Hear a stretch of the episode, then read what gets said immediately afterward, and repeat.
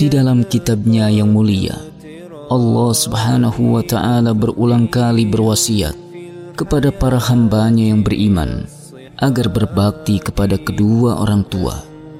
Berbakti kepada orang tua adalah amal salih yang sangat dicintai Allah dan berpahala besar.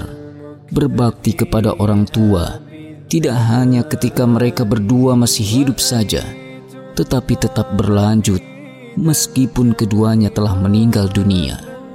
Malik bin Rabi'ah As-Sa'idi radhiyallahu anhu berkata, saat kami duduk-duduk bersama Rasulullah Sallallahu Alaihi Wasallam, ketika itu datang seseorang bertanya kepada Rasulullah Sallallahu Alaihi Wasallam, Ya Rasulullah, masih adakah amal baktiku kepada kedua orang tuaku setelah keduanya wafat?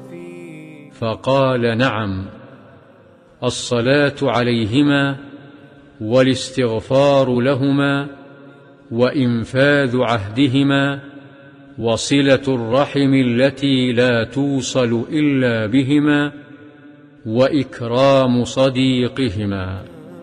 Rasulullah Shallallahu Alaihi Wasallam menjawab, Ya ada, yaitu mendoakan keduanya, memohonkan ampunan untuk keduanya, menunaikan janji keduanya, menyambung silaturahim dengan kakak atau adik keduanya, dan memuliakan teman baik keduanya.